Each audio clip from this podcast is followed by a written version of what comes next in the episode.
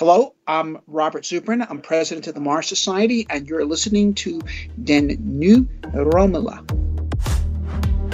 Fellow billionaires Jeff Bezos and Elon Musk are also in the space tourism business as a new space race takes off. I can't think of any experience that anyone's going to have in their life that would be more wonderful, extreme than going to space. Jeg synes for alvor, at 2021 har vist, at vi lever i en ny rumalder. I juli skød den private rumfartvirksomhed Virgin Galactic gang i en ny æra for rumturismen, da virksomhedens ejer Richard Branson og fem andre suste afsted på en 15 minutter lang flyvetur op for at kysse kanten til rummet i rumfartøjet Unity. Milliardærer som Richard Branson, Jeff Bezos og Elon Musk, de drømmer om en fremtid, hvor tusindvis, ja hvis ikke millioner af mennesker flyver i rummet på daglig basis. Men som man siger i rumfartbranchen, space is hard. Og mennesker og rumraketter har mere end én gang vist sig at være et dødeligt mix. I dagens udsendelse af den nye rumalder på Radio 4, der skal vi se på den risiko, vi kan forvente, at mange flere mennesker bliver udsat for i en fremtid, hvor selv folk fra middelklassen kan købe en billet til en flyvetur i rummet. Mit navn er Thomas Schumann. 1, 2, 3, 4, 5, 5, 4, 3, 2, 1, enter test. Roger, zero G, and I feel fine. Capsule is turning around. Den amerikanske luftfartmyndighed FAA vurderer, at rumfart er 10.000 gange farligere end at tage flyveren til Mallorca. Og af de omkring 600 mennesker, der har fløjet i rummet, så var der altså cirka 1% indtil videre, som omkom undervejs. Det er en procentsats, som er meget højere, end vi er vant til fra andre transportmidler, som eksempelvis flyveren eller hvis du kører i bil. Alligevel så er der altså millioner af mennesker derude, som gerne vil en tur i rummet. Men hvad er det, der gør, at folk de vil risikere deres liv på sådan en tur? Det har jeg talt med Rane Villerslev om. Rane Villerslev, du er antropolog, direktør for Nationalmuseet, og så er du medlem af Eventyrenes Klub. Og på Eventyrenes Klubs hjemmeside, der skriver I om klubben, at det er en klub for globetrotter og pionerer af vidt forskellig støbning, mænd, som er drevet af nysgerrighed og fortælleglæde. Fælles for dem alle er, at de trodser strabasser på jagt efter opdagelser og eventyrlige oplevelser i det fjerne, nære og ukendte. Hvad, ja. Hvis du skulle beskrive, hvad er det for nogle slags mennesker, øh, der, altså, hvad er det for noget, der driver øh, denne slags mennesker mod den slags oplevelser? Jamen, det er, det er jo nysgerrighed, øh, der driver værket, kan man sige, ikke? Og nysgerrighed for at få indsigt i noget, der er ukendt, eller kun lidt kendt, ikke? Eller næsten ikke kendt. Altså, så det er, det er jo sådan en nysgerrighed efter at sige, hvad er der på den anden side af, øh, af bakken eller bjerget, og hvad, hvad kommer der, når øh, floden lige tager en ny, ny turning? Altså, det er jo det, det er sådan en grundlæggende øh, menneskelig nysgerrighed for at få indsigt i noget, som, er, som ikke er afdækket. Ikke? Mm. Tror du, det er den samme slags person, der eksempelvis har drømme om at flyve ud i rummet, som dem, der ligesom dig også øh, rejser til ja. Sibirien eller Nordpolen? Ja. ja, det tror jeg egentlig, altså, fordi man kan jo sige, at rummet er jo uh, the new frontier. Altså, øh, selvom det er trist, så er, er verden jo opdaget, kan man sige. Altså, du kan godt finde steder i, i, på vores klode, som er meget lidt udforsket eller og svært tilgængelige og sådan noget.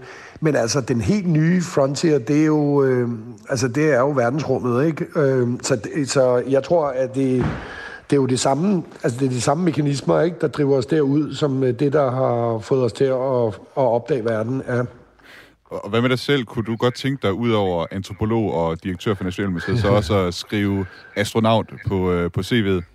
Ja, det kunne jeg helt sikkert. Altså, jeg tror, det er hammerende dyrt, øh, og den slags penge har jeg desværre ikke. Men hvis der var nogen, der ville betale for det, så var jeg så, så vil jeg gerne skrive under på at, at tage med ud i rummet. Altså helt 100. Altså, det er jo et kæmpe eventyr, ikke? Øhm, så det gad jeg da sindssygt godt.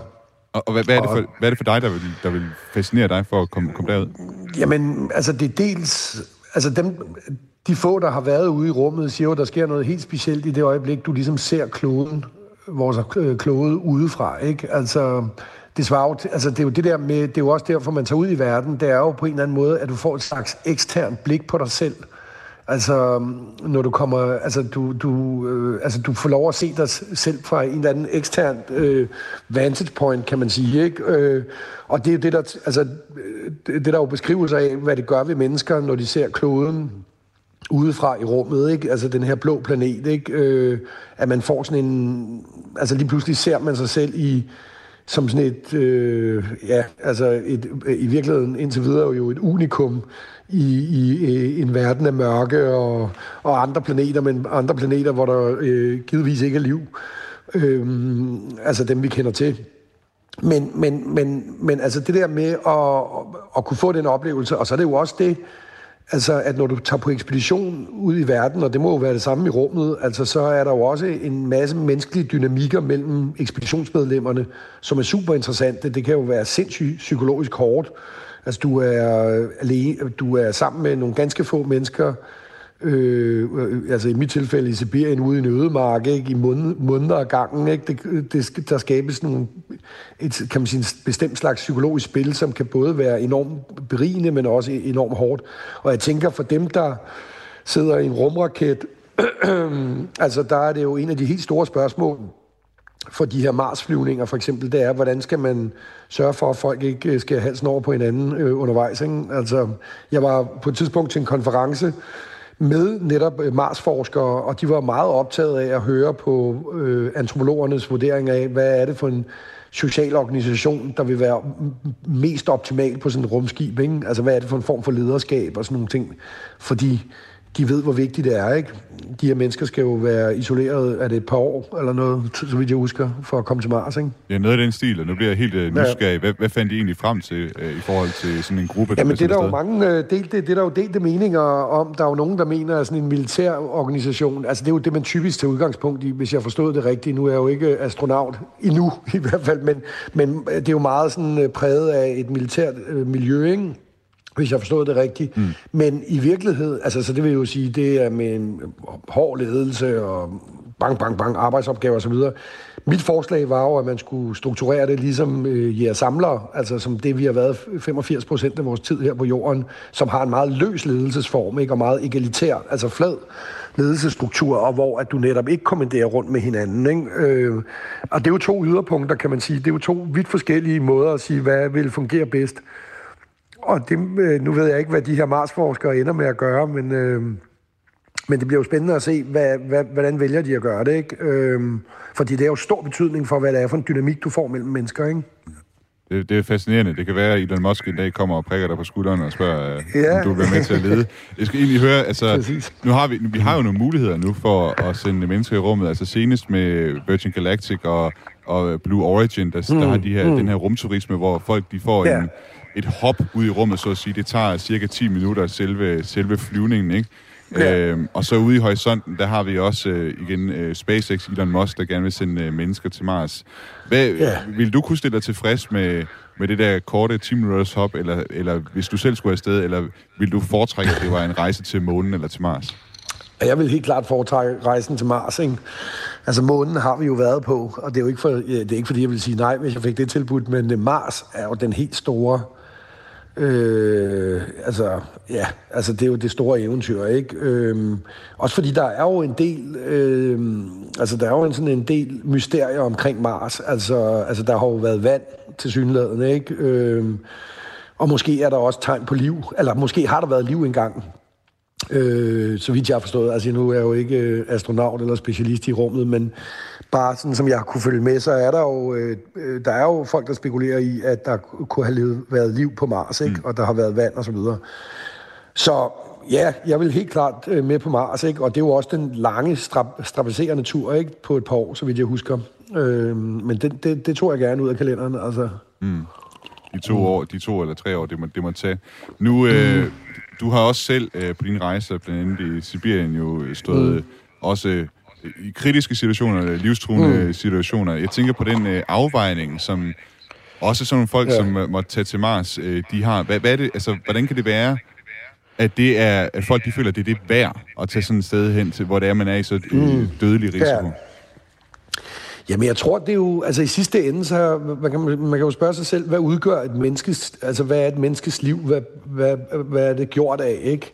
Og det er jo gjort af de oplevelser, du har.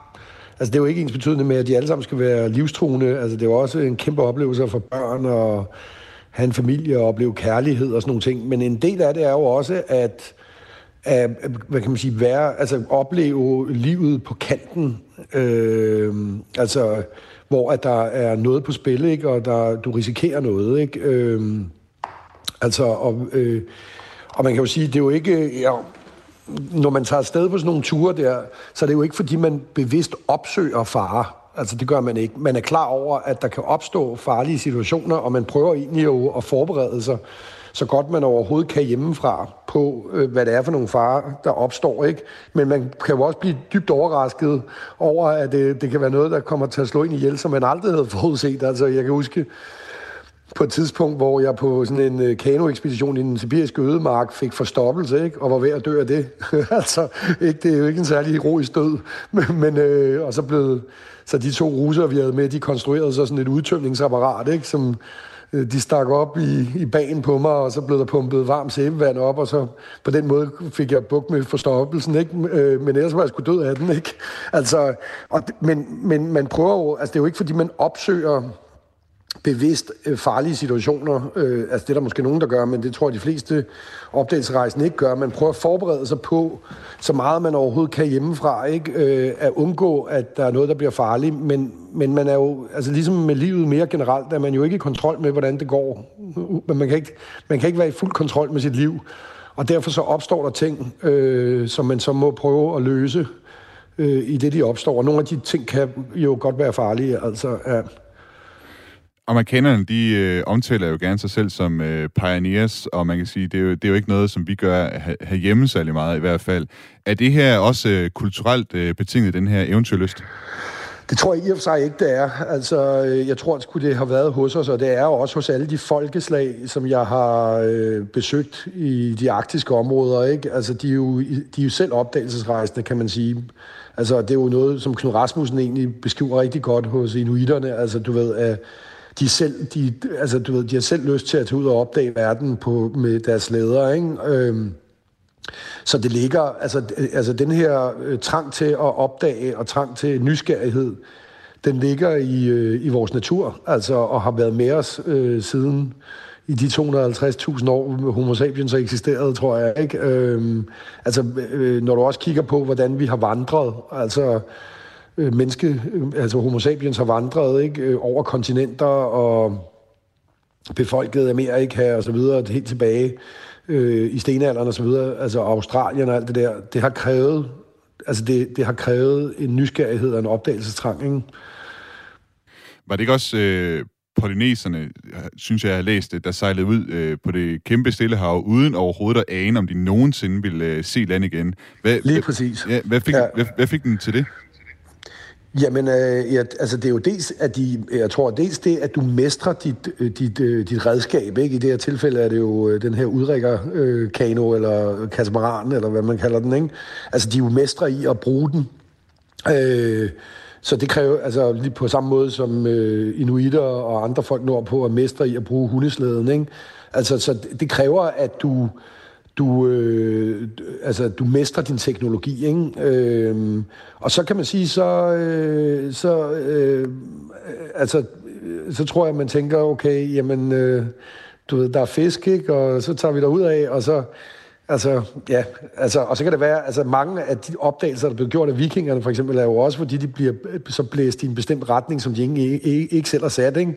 Og så, og så stod de ind i nyt land, ikke? Et eller andet sted, ikke? Altså, øh, så det er sådan en, det er en blanding mellem, øh, altså, øh, hvad kan man sige, dumdristighed, eller dristighed i hvert fald, øh, og, og så det at mestre det, øh, altså det transportmiddel, man nu engang bruger. Og så er det jo tilfældigheder, ikke, der spiller ind. Ikke? Øhm, altså det samme gælder jo Australien. Altså nu er vi jo helt tilbage øh, i, i ældre stenalder, ikke? men der var, der var jo også et hav. Med, altså da Homo sapiens kommer der til Sydøstasien, ikke, så er der et hav mellem Australien og og kontinentet, ikke? Og, og man ved stadig ikke, hvordan fanden de er kommet derud, men det gjorde de altså. Ikke? Altså, om de, de har ikke kunne se land, men de har måske kunne se en lille, et, øh, altså noget fra en skovbrand, eller noget røg, der kommer op, eller noget, ikke? Altså, som gør, at de tænker, okay, så konstruerer vi sgu et eller andet fartøj. Vi ved ikke engang, hvad det er, de har konstrueret dengang, vel? Altså, men, men faktum er jo i hvert fald, at de kom til Australien, ikke? Altså, så man kan måske sådan drage helt en øh, parallel mellem polyneserne og inuiterne og sådan noget i forhold til det med mestre teknologien. Det er simpelthen en forudsætning. Ja, ja det er det, ikke? Og det er det jo også i dag. Altså, hvis du sender nogen ud i rummet, altså, så har du jo øh, gennemtestet og, øh, teknologien, ikke? Altså, og så en gang imellem, så sker der jo en ulykke, ikke? Som, nu kan jeg ikke huske, hvad var den hed der i 80'erne, var det i 80'erne eller 90'erne der, hvor man Challenger. Tænkte, Ja, ja, Challenger der. Ikke? Øh, så sker der en ulykke, ikke? men det betragtes jo også som en kæmpe katastrofe, ikke? fordi teknologien skal skulle bare være i orden. Ikke? Og, de, og astronauterne er jo toptrænet i at bruge den, den her teknologi. Ikke? Ja.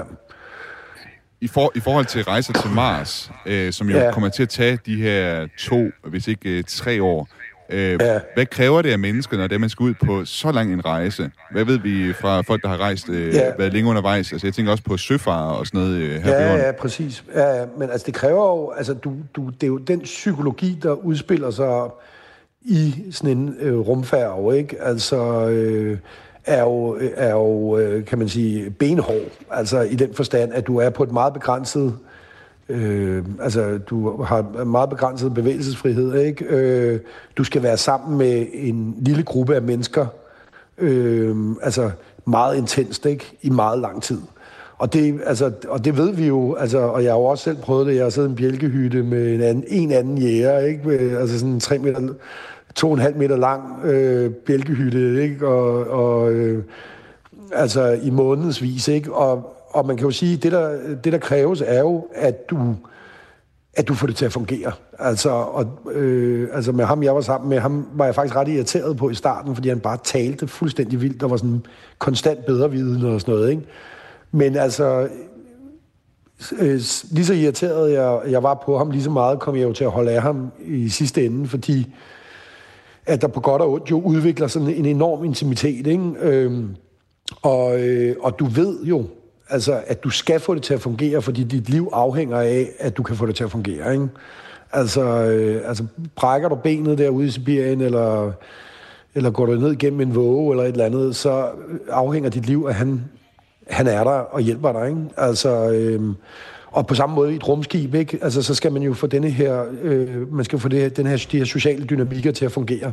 Og det er jo i meget lang tid. Altså, hvis vi taler to år i et rumskib, ikke? Øh, sammen. Jeg ved ikke, hvor mange man har tænkt sig at sende afsted, om det er 10 eller 15, eller måske bare 5, ikke? Men altså, uanset hvad, så er det jo så er det jo noget, der kræver, at alle er indstillet på, at det her skal fungere. Og selvom man er indstillet på det, vil der opstå situationer, hvor at man har lyst til at rive hovedet af hinanden, ikke?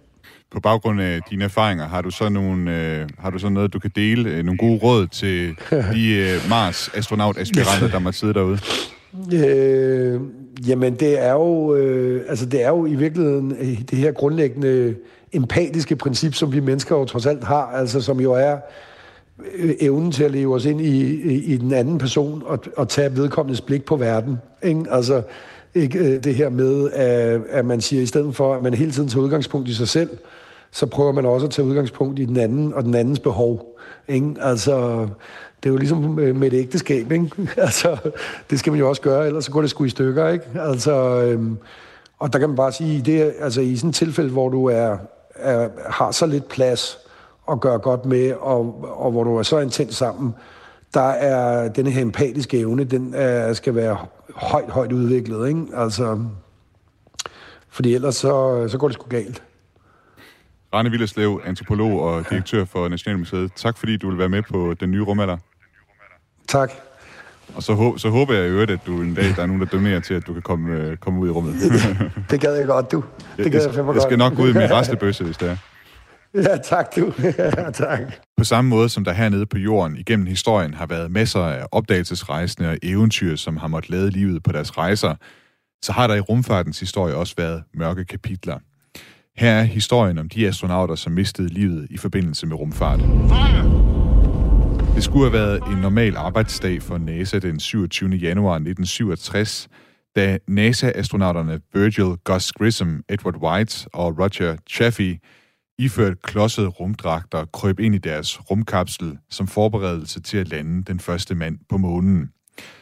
Den normale arbejdsdag blev dog erstattet af et tumultarisk forløb, hvor astronauterne blandt andet oplevede massive kommunikationsproblemer. Apollo 1 var præget af mange fejl, men ingen havde forudset, at den dag skulle blive historisk og ikke mindst tragisk. En lynbrand brød ud i kommandomodulet under den simulerede opsendelse ved, ved Cape Canaveral Air Force Station i Florida. En brand, som dræbte alle tre astronauter.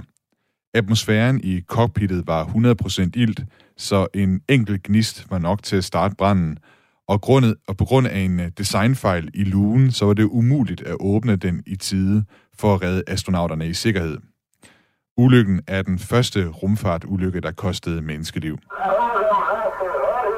Blot tre måneder efter Apollo 1-branden døde den russiske kosmonaut Vladimir Komarov, da Soyuz 1-rumkapslen styrtede ned på jorden den 24. april 1967. Soyuz 1-rumskibet var stadig i den eksperimentelle fase på missionens tidspunkt, og problemerne begyndte umiddelbart efter, at rumfartøjet gik i kredsløb om jorden, cirka 9 minutter efter opsendelsen. Et af solpanelerne kunne ikke folde sig ordentligt ud, hvilket afbrød strømforsyningen og forstyrrede rumfartøjets kontrolsystemer. Missionen blev afbrudt, men efter en vanskelig vej ned igennem jordens atmosfære, kunne Soyuz 1's faldskærme ikke udfoldes korrekt, og Komarov blev slået ihjel, da hans rumskib hamrede ned i den kazakhstanske steppe. Russerne var ivrige efter at overgå deres kolleger i det amerikanske rumfartprogram efter månelandingens succes, og lancerede verdens første rumstation Salyut 1 i april 1971. Den juni tilbragte de tre kosmonauter, Georgi Dobrovolski, Vladislav Volkov og Viktor Patsayev, tre uger ombord på Soyuz 11 og udførte eksperimenter og observationer på den russiske rumstation. Efter missionen øh, så deres hjemrejse egentlig ud til at forløbe glat, og rumkapslen landede sikkert i det nuværende Kazakhstan. Men da teknikerne nede på jorden åbnede lugen, fandt de, at alle tre kosmonauter var livløse. En defekt luftventil havde åbnet sig, da nedstigningsmodulet i Soyuz 11 separerede sig fra raketten, og kabinen blev ramt af et massivt trykfald. Kosmonauterne, hvoraf ingen var iført rumdragter, blev sandsynligvis kvalt ihjel 30 minutter før landing. De tre kosmonauter er de eneste, som er døde i rummet. My God. En kold morgen den 28. januar 1986 sad den forventningsfulde gymnasielærer Krista Margolev i Challenger-rumfærgen i selskab med astronauterne Francis Scobie, Michael Smith, Ellison Onitsuka, Judith Resnick, Ronald McNair og Gregory Jarvis.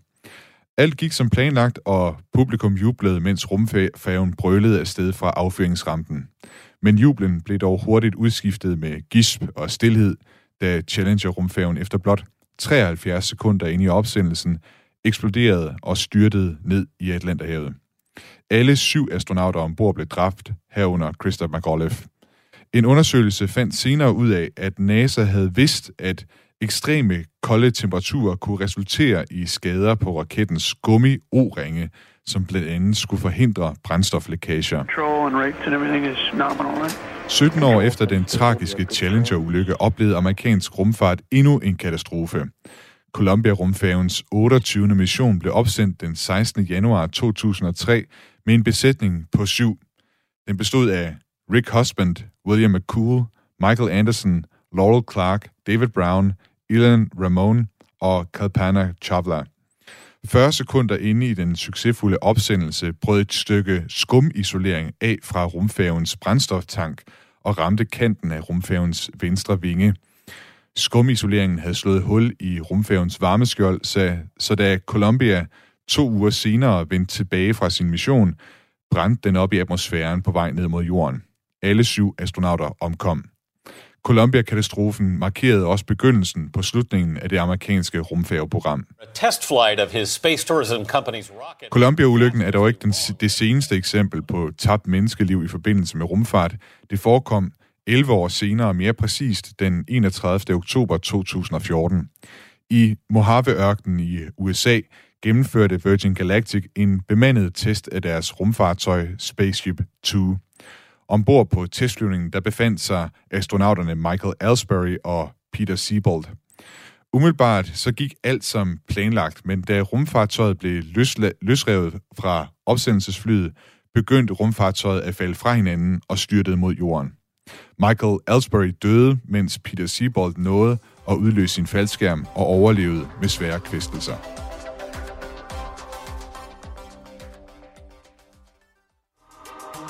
My name is Jason Wright. I look for alien life in the universe, and you are listening to De New Romana.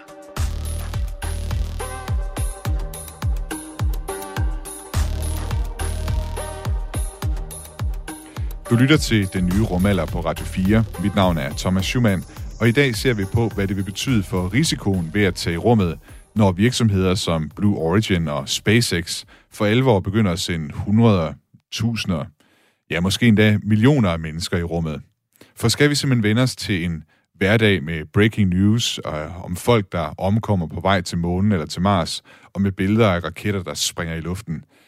Det talte jeg med Ole J. Knudsen fra Aarhus Universitet om. Ole J. Knudsen, du er kommunikationsmedarbejder på øh, Aarhus Universitet op på Institut for Astronomi og Fysik. Og øh, du har også beskæftiget dig med katastrofer i øh, verdensrummet. Du har blandt andet i dag taget en bog med i dag, der hedder øh, Disasters. Hvad står der? Uncovering Soviet Disasters, Exploring the Limits of Glasnost. Og så har du en mere, der hedder Disasters and Accidents in Manned Spaceflight. Så jeg tænkte, øh, du er måske øh, en god kilde til at tale om det her emne, vi har i dag.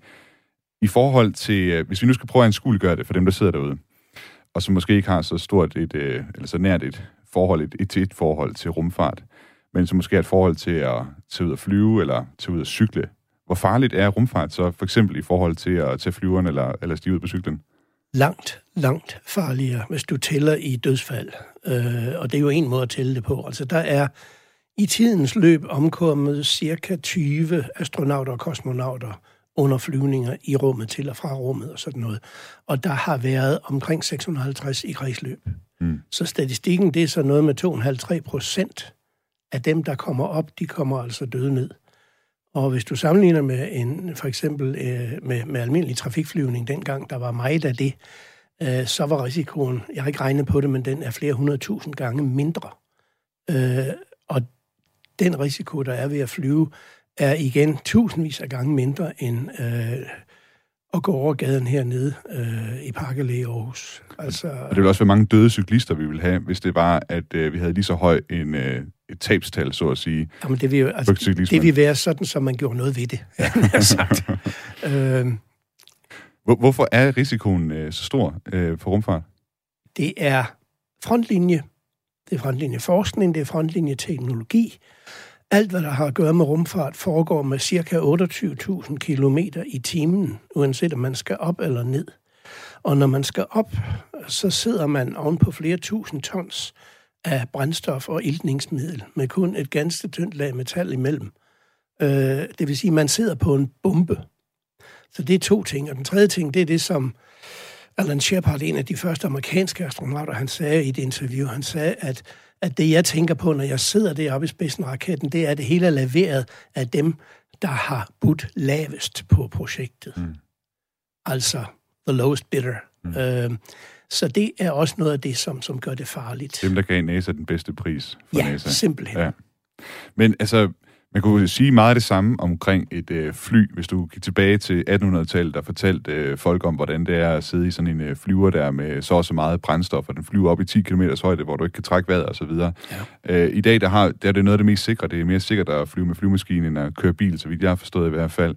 Øh, er der noget, der tilsiger, at rumfart altid kommer til at være øh, forbundet med så stor en risiko? Ja, det vil jeg nok sige. Altså, der er det med hastighederne, øh, og der er det med, at man skal bruge enormt meget brændstof for at komme op på de hastigheder og bremse ned igen. Øh, og rummet som sådan er et...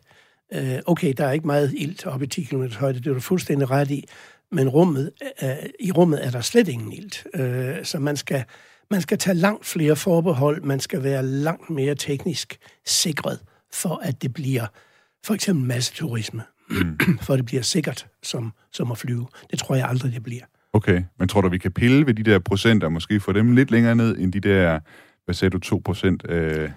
Ja, det var. 2-3 procent af Ja. dem, der har været i rummet, er, Ja. er, er så døde af det. Ja, tror du, vi kan få det længere ned? Ja, det kan man sagtens. Okay. Øh, fordi når man har noget teknik, noget teknologi, øh, som er vel indkørt, hvis man så bare lader være med at pille ved det, hvis det bare bliver rutine, og så helst ikke så meget rutine, så man sidder og, og slapper af øh, i kontrol, øh, de forskellige kontrolmekanismer, så kan det blive meget mere sikkert. Altså et eksempel er jo, at der er ikke sket alvorlige uheld med de russiske Soyuz øh, rumkapsler siden 1971. Mm. Øh, og de flyver jo, øh, hvad har der fløjet? Der flyver en 4-5 stykker i året, eller om året. Det er også derfor, den omtales som en arbejdshest for Arbejdshest, bemandet rumfart. Ja. sikker. Ja, Den raket, som, som sender den op, bygger på teknologi fra, fra 40'erne og 50'erne, øh, hvor det oprindeligt var øh, en øh, missilraket, men så blev den så videreudviklet. Altså det er, det er virkelig, øh, jeg vil ikke sige hammer og mejsel teknologi. Jo, det er det jo også, fordi det stammer fra Sovjetunionen. Men, men det er så vel indkørt. Så man skal virkelig lave tingene rigtig dårligt, hvis det skal gå galt. Og selv hvis der så går et eller andet galt, som det gjorde for et par år siden, hvor det var, at øh, en af de her Soyuz-raketter sprang i luften på vejen op, øh, på vej ud af atmosfæren, så har den jo et indbygget abortsystem, der simpelthen lige kan trække kapslen væk og sørge for, at astronauterne de bliver reddet i sikkerhed. Lige præcis, ja. Altså, det, det, der er ikke et spørgsmål om i rumforskning, at man siger, om der går noget galt. Man siger altid fra starten af, når der går noget galt, hvad kan vi så dække os ind med? Og der har man jo for det første tre gange øh, dobling, hvis det hedder det, af alle se- vigtige sikkerhedssystemer. Øh, sådan så, hvis noget falder ud, og næste led falder ud, jamen, så har man en tredje led at falde tilbage på. Mm. Øh, og det gør det jo vanvittigt dyrt, men også meget, meget sikkert. Nu ser vi jo så, øh, det så vi jo særligt her i sommer, sådan private spillere for alvor træde ind i øh, det, vi kalder rumturisme. Og man kan sige, der er jo lidt forskellige spillere på banen. Du har Blue Origin og Virgin Galactic, som laver de her såkaldte suborbitale flyvninger. Det er korte flyveture, hvor de lige rører op og ud af atmosfæren, og så ned igen. Det tager typisk omkring 10 minutter, øh, sådan en flyvning der.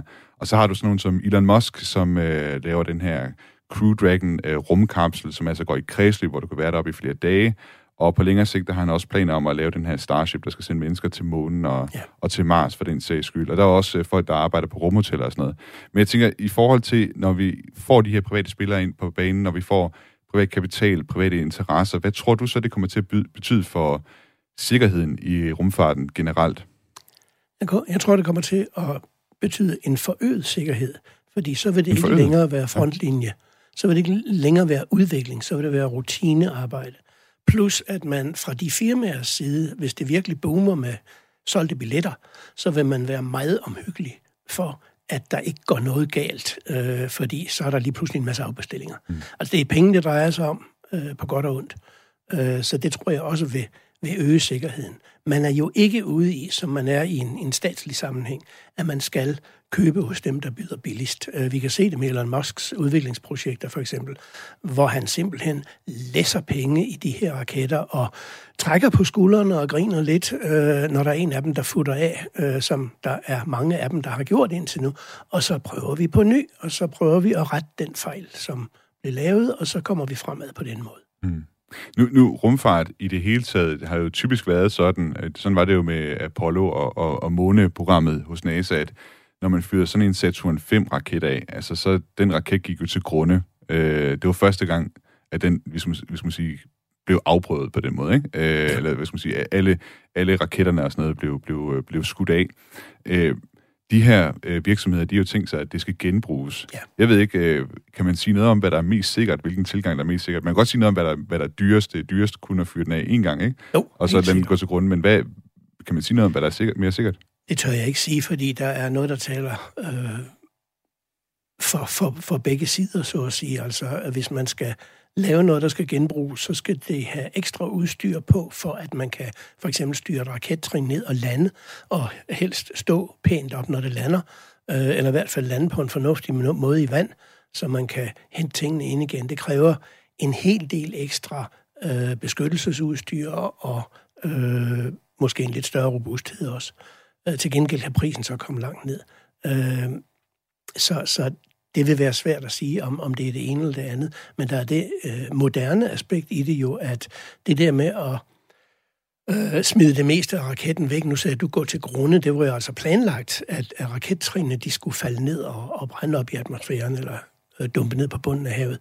Øh, det er jo ikke politisk korrekt i vores dage, simpelthen. det duer heller ikke, nej. Så det vil sige, jo mere man kan påstå, og måske også gennemføre, at noget er genbrugs øh, bæredygtigt, fordi det er jo det, en raket skal være i hvert fald. Øh, jo, mere, jo mere man kan det, jo mere øh, kan man også komme ind i varmen med hensyn til billetsalg og indtjening og sådan noget. Det er også hele det her hensyn til genbrug, der gør, at øh, SpaceX er ude i lige nu med deres øh, Mars-rumskib øh, Starship, at de skal lave nogle helt nye øh, manøvrer, så at sige, eller noget luftakrobatik, for at det der rumskib, det ligesom kan lande igen, altså hvor den falder ned med maven, og så lige de sidste sekunder øh, tænder motorerne, og så retter sig op og skal lande øh, opretstående. Han er stående, ja. ja. Øh, ja, fordi øh, at, at læse så meget brændstof ombord på sådan et, øh, det er første trin i raketten i første omgang, vi har set, hvis der skulle så meget brændstof op øh, ombord fra starten, så den også kunne flyve ned raketdrevet, øh, hvad der vil jo se rigtig flot ud, øh, så vil den blive uhensigtsmæssigt stor og mm. dyr. Så man lander den, øh, altså den flyver jo lige så, lige så elegant som en mursten. øh, men det ser rigtig godt ud på video. Ja. Øh, men altså man kan styre den ned, og, og, og så som du siger, der, der er noget aerodynamik, som, som øh, bremser den, og så lige sidste øjeblik tænder man for motorerne. Det fungerer, det princip fungerer rigtig godt. Og, og det er noget, som, som de har udviklet i SpaceX. Det er ikke noget, man har gjort før. Man har godt nok haft øh, vinger på forskellige former for rumskibe, øh, og ellers typisk faldskærm jo. Øh, og så er der den der diskussion også, eller øh, hvad skal man sige, den problematik, der er, skal man lande på land, som russerne altid har gjort, eller skal man lande i vandet, som amerikanerne har gjort indtil for ganske nylig. Øh, hvis man skal have turister med op og ned, så er det ikke nogen god idé at lande på vand. Mm. folk bliver søsyge mm. og brækker sig i hele kabinen. Ja. Det er ubehageligt. Ja. Det er øh, en ekstra angstfremmende faktor hos turisten, øh, uanset øh, hvad man ellers er øh, indstillet på til sådan en flyvetur. Mm. Så det at kunne lande på landjorden og helst også træde ud og, og øh, få en drink eller et eller andet, det er absolut nødvendigt, hvis man skal lave rumturisme. Det er lidt mere tjekket. Elon Musk har også på et tidspunkt sagt, at hvis nu der skulle lande nogle aliens øh, på jorden, og de kommer ned i en kapsel med faldskærm og lander i vandet, så er der ikke noget at være bekymret for. Nej, det tror jeg ikke. Hej, mit navn er Michael Linden Vørnte. Jeg er astrofysiker og chefkonsulent for DTU Space. Du lytter til den nye rumalder med Thomas Schumann. Med, med de her risici, som der så er forbundet med rumfart, altså øh, rejser der så også ikke et spørgsmål om, om man overhovedet skal tillade sådan nogle rige mænd som Branson og Bezos og Musk at tjene penge på, at folk de altså sætter deres øh, liv på spil på noget, som er væsentligt farligere end at, at tage flyveren for eksempel? Er, er, der et, er, der, kan man sige, er der et højere formål, det tjener? Det er jeg ret sikker på, i hvert fald hos, hos, øh, hos øh, Bezos og, og hos Elon Musk. Jeg ved ikke lige med Branson, jeg kender jo dem heller ikke personligt. Men, men øh, altså i hvert fald Elon Musk er jo en drømmer, er en idealist, som laver alt det, han gør, øh, for at sende folk i rummet, for at få opfyldt nogle af sine drømme. Øh, og hvis han så kan tjene penge på, penge på det også, så gør det ikke noget. Det er helt sikkert. Øh, men vi skulle nødig over i en situation, hvor det var økonomien, der kom til at, at, at betyde, om man fyrer en raket af under usikre forhold, ligesom man jo har gjort øh, ved nogle af de rumulykker, der er sket, øh, hvor der har været politiske pres. Øh, øh der har været folk, som forventede, at nu flyver vi altså, og så må vi ellers se at komme afsted, og så, som der skete med Challenger-ulykken, så, så gik det jo altså grueligt galt. Øh, den slags pres skulle vi nødig have, og der er det, synes jeg, betryggende at øh, vide, at det er folk, som har masser af penge. De går ikke for lidt, fordi det her ene projekt hos dem øh, fejler eller kommer til at, at hænge lidt bagud. Mm. Så på den måde er der ikke det der voldsomme økonomiske pres. Mm. Omvendt må man jo så også sige, at, at øh, rumforskning øh, på statsplan i det hele taget er jo ikke et spørgsmål om, at man har smidt penge væk. Alle pengene er jo brugt til lønninger. Det, det er en ting, man, øh, man har tit den her opfattelse af, at pengene de, de flyver ja, ud et eller andet sted i rummet. hægter dem i, ja. inde i raketten, når de brænder af. Det gør de jo altså ikke. De bliver brugt til øh, arbejdere, til ingeniører, til kontorpersonale, til ham, der skal feje, øh, øh, når, når øh, affyringsrampen den skal gøres ren osv. Det er penge, der bliver her på jorden, uanset. Nu så vi som sagt her i sommer, altså det var jo så de første flyvninger med de her milliardærer selv. Øh, ja. Richard Branson, der fløj på sit eget rumskib. Jeff Bezos, der fløj i sin egen øh, rumkapsel. Og det skulle jo så ligesom indvarsle, hvad skal man sige, rutinemæssig drift, øh, rutinemæssig øh, opsendelse af rumturister. Hvordan tror du, at sådan kommersiel rumfart, når vi begynder at se det mere og mere, når det bliver mere en øh, hverdag, lad os sige, at øh, folk de tager på de her ture, eller måske tager på øh, bryllupsrejse rundt om månen, eller noget i den stil. Øh, hvordan tror du, det vil for, altså forandre almindelige menneskers forståelse og opfattelse af rejser i rummet? Eller i det hele taget øh, forhold til rummet? Det er svært at spå. Men, men noget, der falder mig ind, det kunne være at sammenligne med krydstogsturisme. Øh, I mine øh, meget unge dage, meget yngre dage end nu, øh, der var det at tage på krydstogt jo altså også en rimands ting. Det var virkelig elite. Øh, og hvis man skulle over Atlanten, så gammel er jeg så ikke så, så der kun var den måde. Men så skulle man med de store, med, med, med øh, de store engelske øh, skibe der. Og så var der en fjerde og femte klasse, som man havde råd til, og så de rige, de, de sad op i toppen og, og delte champagne. Øh, det vil i lang tid være sådan, at det er de allerrigeste, og måske også de allersmukkeste, som tager afsted, øh, og det giver opmærksomhed.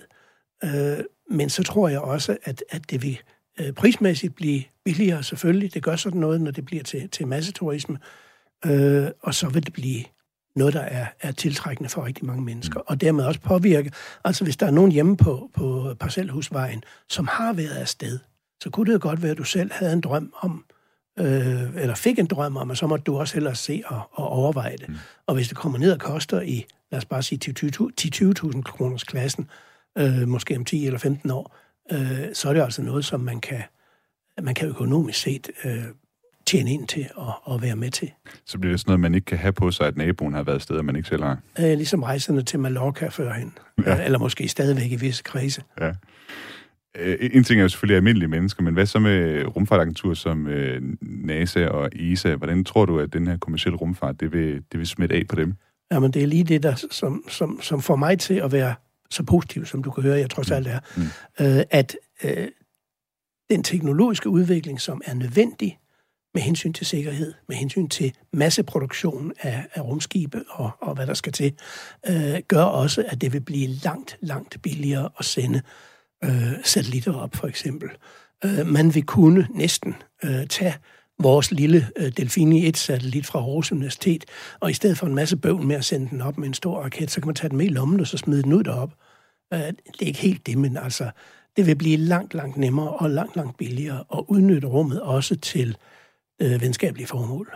Øh, så det gør mig meget positiv, og jeg er sikker på, jeg ved jo også allerede, at øh, SpaceX jo har givet forskellige forskningsinstitutioner nogle rigtig gode tilbud, for at sige det øh, på en fin måde. Mm. Så det tror jeg virkelig, der er en stor fremtid i.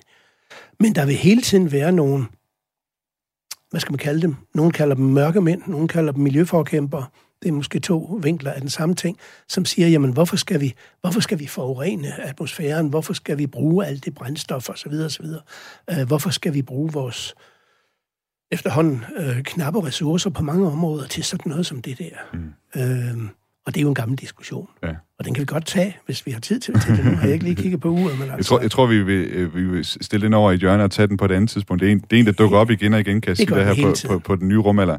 Men jeg tænker, en, en, øh, en anden diskussion, vi måske kunne øh, lige vende her til sidst, det var, at som du siger, altså, det bliver aldrig lige så sikkert som at, at flyve i fly. Det kan godt være, at vi kan få pillet lidt ved procenterne, få dem længere ned og sådan noget. Men øh, og når der så er flere mennesker i det hele taget, når der er flere afgange, så vil vi se ulykker også ja. i fremtiden. Ja, det kan ikke undgås. Øh, hvordan, hvordan tænker du, at man skal forberede sig på det? Altså, er det noget, man som samfund... Altså, vi, det, det sker jo med, med fly af, af til, at de drætter ned, ikke? Men uh, i sådan, i sådan med, med rumskibe og sådan noget her, med, når det er rummet, tror du, at man kan have sådan den samme tilgang, den samme tillid til, at det skal de nok finde ud af og få gjort bedre og sådan noget, så vi kan have den der samme tilgang til, når der sker en rumulykke, øh, som vi har det med, med flyulykker. Ja, det tror jeg, det, det bliver fuldstændig det samme. Okay. Altså hvis der er motivation hos folk, det kan så være turistmæssigt, øh, for at tage afsted, så skal de også nok øh, finde en forklaring i deres egne hoveder på, at de kan godt, de kan godt tage afsted alligevel. Det har vi set med de der flyulykker, øh, og vi har jo set, at at øh, firmaerne, der bygger flyene, og de selskaber, som driver flyvning, er forberedt på ulykker.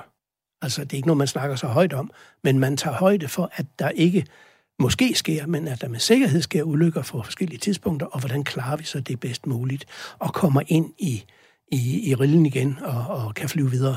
Øh, det tror jeg er det samme, det sker. Altså, øh, når man tager afsted de to gange, det er sket indtil nu, øh, så er man jo godkendt for eksempel af de amerikanske luftfartsmyndigheder. Det har været lidt svært for dem at finde ud af, om det var deres regi, om det var deres område, men, men øh, de to rumskibe er godkendt til at tage, tage øh, betalende turister med. Så der er en masse sikkerhedsprocedurer, som allerede er øh, gennemtænkt og opfyldt. Det havde jo, det havde jo en, en kæmpe indvirkning på øh, NASA, først med Challenger-ulykken, ja. og siden med, med Columbia. Kan du lige prøve at beskrive, hvad, hvad, hvad, var, det, det, hvad var det for et aftryk, det satte sig i, øh, på NASA? Øh, jamen, det gjorde jo, at i en tid, hvor der i forvejen var både økonomisk krise og, og øh, noget politisk, der, der rørte sig i USA, øh, så pludselig opdagede folk, jamen, vi er ikke længere de bedste i verden, altså som amerikanere.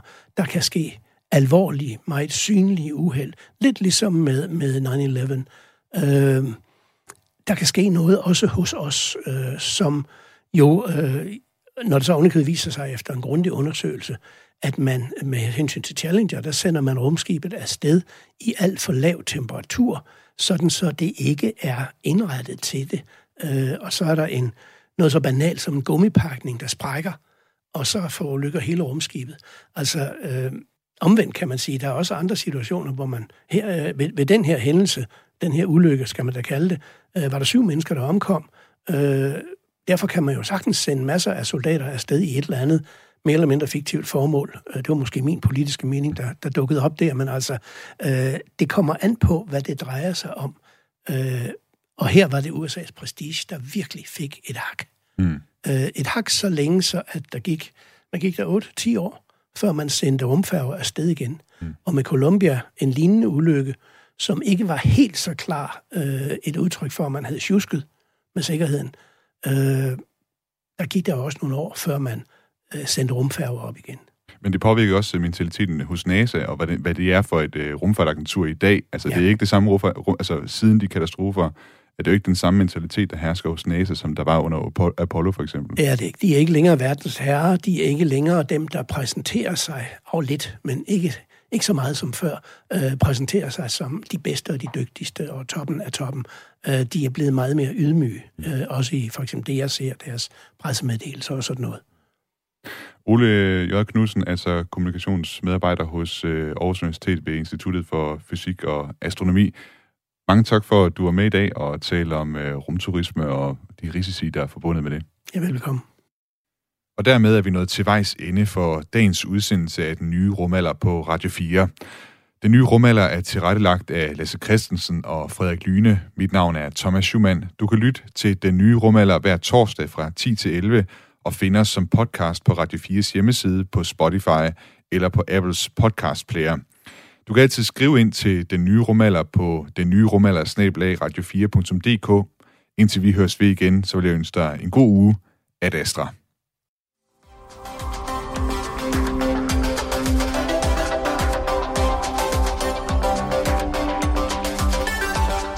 Men man kan jo også blive dybt overrasket over, at det, det kan være noget, der kommer til at slå ind i hjælp, som man aldrig havde forudset. Altså, jeg kan huske, på et tidspunkt, hvor jeg på sådan en øh, kanoekspedition i den sibiriske ødemark fik forstoppelse, ikke? og var ved at dø af det. altså, ikke, det er jo ikke en særlig heroisk død, men, men øh, og så blev så de to ruser, vi havde med, de konstruerede så sådan et udtømningsapparat, ikke? som øh, de stak op i, i bagen på mig, og så blev der pumpet varmt sæbevand op, og så på den måde fik jeg bukt med forstoppelsen, ikke? Øh, men ellers var jeg sgu død af den, ikke? Men, men øh, altså i hvert fald Elon Musk er jo en drømmer, er en idealist, som laver alt det, han gør, øh, for at sende folk i rummet, for at få opfyldt nogle af sine drømme. Øh, og hvis han så kan tjene penge på, penge på det også, så gør det ikke noget. Det er helt sikkert. Og det er jo ikke, for, det er ikke fordi, jeg vil sige nej, hvis jeg fik det tilbudt, men øh, Mars er jo den helt store... Øh, altså, ja, altså det er jo det store eventyr, ikke? Omvendt kan man sige, der er også andre situationer, hvor man her, øh, ved, ved den her hændelse, den her ulykke, skal man da kalde det, øh, var der syv mennesker, der omkom. Øh, derfor kan man jo sagtens sende masser af soldater afsted i et eller andet mere eller mindre fiktivt formål. Øh, det var måske min politiske mening, der, der dukkede op der, men altså, øh, det kommer an på, hvad det drejer sig om.